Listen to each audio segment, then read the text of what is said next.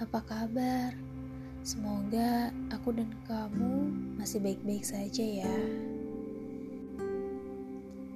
Ini pesan dari aku untuk aku. Aneh gak sih? Hmm.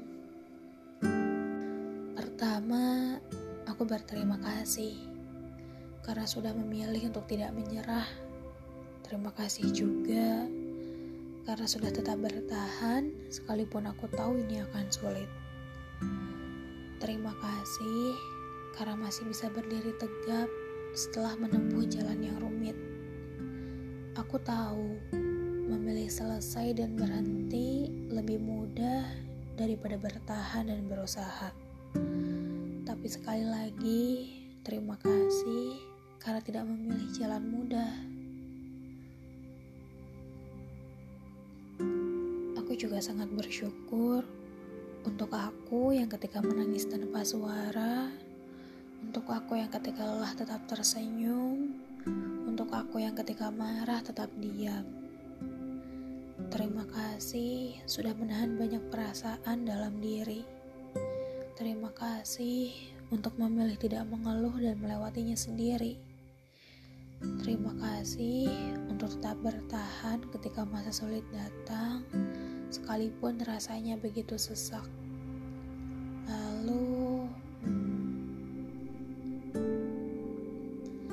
kemudian aku menyesal dan minta maaf. Sudah memperlakukan diri ini dengan begitu buruk. Maaf karena aku sudah mengurung dan menghukum diri ini. Maaf karena aku memberi banyak beban. Juga maaf karena aku harus melewati masa sulit. Bagaimanapun itu, bertahun-tahun melewati masa sulit dan bertahan bukanlah hal mudah.